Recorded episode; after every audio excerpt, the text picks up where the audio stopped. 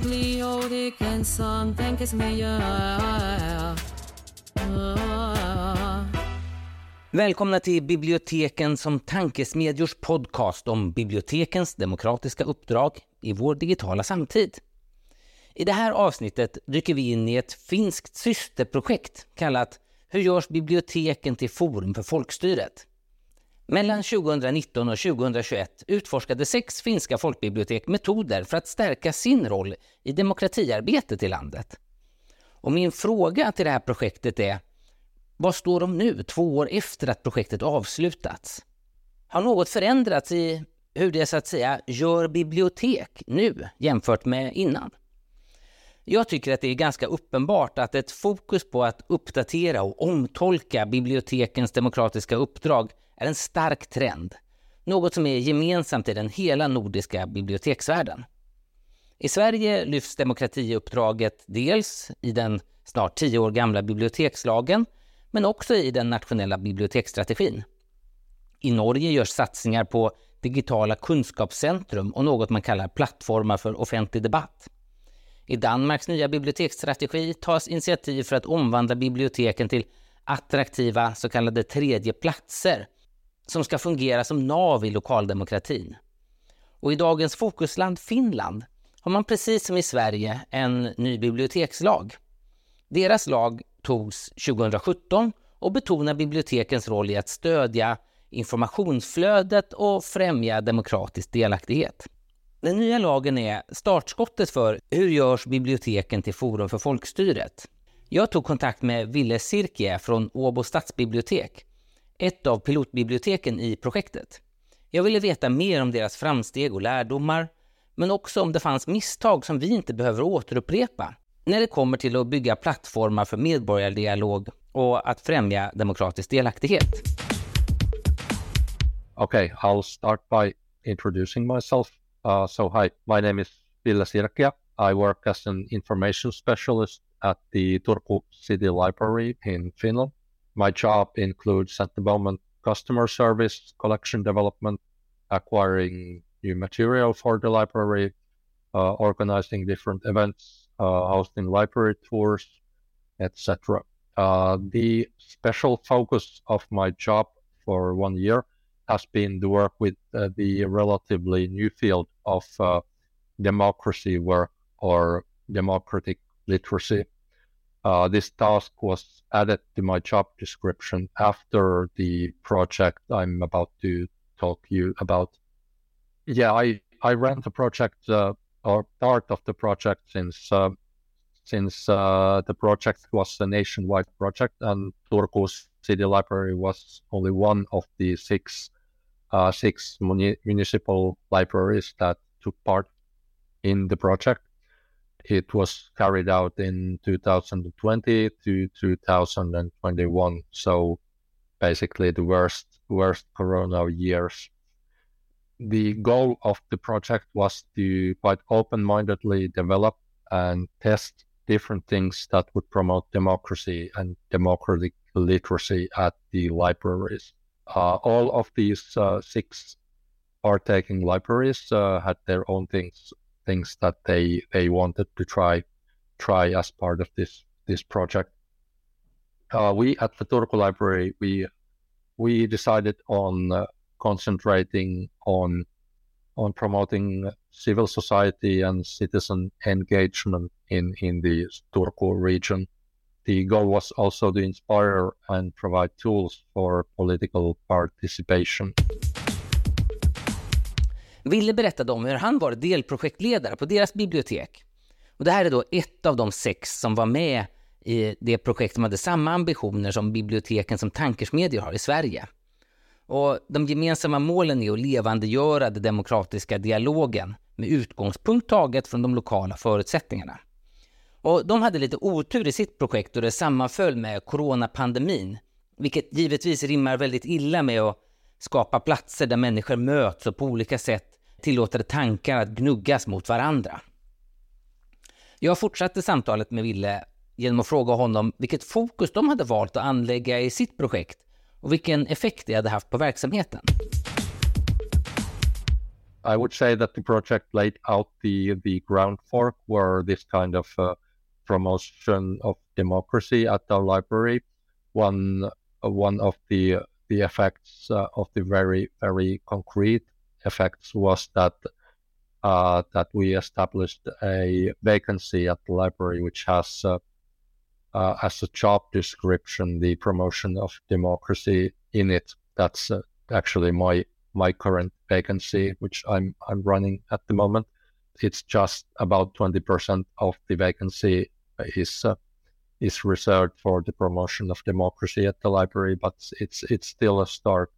Also, I would say that we got uh, through this project, we got an idea of uh, what works and what maybe doesn't work that well at the library. Uh, we also made important networks uh, during the project, since uh, we did a lot of work with the uh, with the secondary secondary schools at the Turku region. Is that we networked with the with the local teachers, and now we have have certain teachers that we still still continue continue working with. Uh, we have a new project which is a direct continuation to the Sitra project at the moment. Uh, it's uh, it's fun, also funded funded by the state. Um, it lasts two years and uh, it has its target group uh, in secondary school students.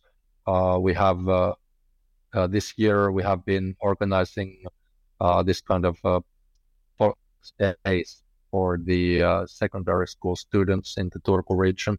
That means that they, they come to the library for one day, and then we have uh, all kind of kinds of uh, activities and uh, events for for them during the day. They uh, get to participate in different workshops, uh, discussions, and panels during the day. Yeah, I, I myself was was running a fact checking workshop uh, which was uh, probably the the most boring workshop, at least uh, at least by name, since the other workshops where there was a create your own political meme workshop. then there was a, a fake news workshop. one one workshop was uh, was to create your uh, counter what's the name Co- counter commercial all, all these workshops are, were run by the staff of, uh, of the library. Wille berättade för mig att man fokuserat på medborgardialog via civilsamhället samt en dialog med gymnasieskolornas lärare. Han anser att projektet skapade ett nätverk vilket blivit till grund för det fortsatta arbetet. Och nu har man avsatt en 20 tjänst för att jobba vidare med demokratifrämjande arbete. När man läser slutrapporten från den nationella projektägaren, forskningsinstitutet Sitra, så trycker man på just att de deltagande biblioteken som varit mest framgångsrika, alla har jobbat i nätverk med andra aktörer. Personligen tycker jag det är intressant att fråga mig själv vilka som är mest relevanta. Det sägs ju ofta att samhällsengagemanget har hittat nya former i det postdigitala samhället. Gör det att det finns andra aktörer lokalt att samverka med än de gamla vanliga traditionella bildningsaktörer etc. Ja, det där kan nog se väldigt olika ut på olika platser, men det är nog värt att undersöka. Jag fortsatte att fråga Ville om hur arbetet sett ut efter att projektet avslutats. Uh, yeah, the, the background for for the project and uh, this whole whole uh, promotion of democracy was in Finland the new law for the public libraries, which came into force in 2017.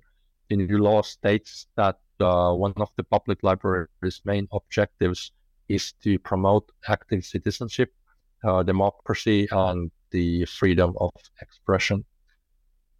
And uh, this uh, basically like uh, recreates the uh, the groundwork for public libraries, and it it it, brings uh, a whole new task for, for the libraries, uh, which uh, which of course creates uh, creates tensions in, in the field since there's a lot of a lot of people who who still see libraries as a really traditional institution. That's main main objective is to loan books and yeah yeah the, precisely books, and the bo- books are at the center of of public libraries. So so yeah, I, I would say that there's there's a lot uh, still to be done to uh, like change the library library landscape so that the uh, the, the uh, promotion of democracy would be at the uh, at the basic level of uh, of what what the libraries are about. Ville berättar att de förutom hans löpande tjänst har ett fortsättningsprojekt i vilket de genomför temadagar om demokrati för gymnasieskolan på biblioteken. Jag tolkar det som ganska interaktiva och workshopsbetonade händelser där man snarare får göra demokrati snarare än att lyssna på hur det fungerar. Ville trycker också på att det är en ganska stor förändring i hur man ser på bibliotek i Finland. Att göra något annat än att bara låna ut böcker gör vissa upprörda. Och det här gör mig nyfiken. Vad rent praktiskt på biblioteken är annorlunda nu jämfört med innan deras nya bibliotekslag som togs 2017? Yeah, I would say that the libraries have changed a lot during the last 10 years. Already the uh, the fact that we have uh, different lectures and events at the library space is uh, or was uh, a shock for uh, most of the more uh, more traditional library users, which which of course expect the library to be a, a quiet space for reading and studying which of course it is it is it still is also that but uh, but the library is is so much more than that nowadays. Uh, i think uh, many people in in turku have already been used to that. Of, of course there there are still some uh, some exceptions some people who who still wish the library to be only a quiet space. The new thing that the law brought was uh, was the introduction of politics to libraries, which uh, which is a really new new thing since the since the traditional view on uh, public libraries in Finland is that politics have no place in it, that uh, politics and public libraries should be kept separate. So so that's that's a really really new, new thing in in Finland, and uh, I would say that it it takes it takes years to uh, to change change this uh, uh, this perspective. Ville nämner att det är mycket som har förändrats. Att det förekommer föreläsningar är något som inte skulle hänt för tio år sedan. Och det finns absolut en grupp som anser att biblioteken ska vara en helt tyst plats. Men den största förändringen är nog att politiken klivit in i biblioteken. Den traditionella synen har varit att partipolitiken hålls separat från biblioteken. Jag frågade Ville om han kunde ge några exempel. För i våras var det parlamentsval i Finland. Arrangerade man till exempel några debatter då? We, we had a lot of elections this spring since we had the uh, parliamentary elections in Finland. So we had, I think we had four or five different election panels in the library. I, I've had a mixed experience of hosting hosting uh, election panels in the library. They usually have their own problems of uh, of representation, since uh, th- there comes a whole bunch of questions or problems you have to deal with when when bringing uh, party politics into the library. There's al- always the question of who you who you invite. Uh, um, should every possible party be uh, be included or not? Uh, what are the conditions uh, uh, for the participants to be included in panels and and such? We will of, of course received some criticism of, of some panels that, that we haven't been able to invite every every possible party uh, into the panel.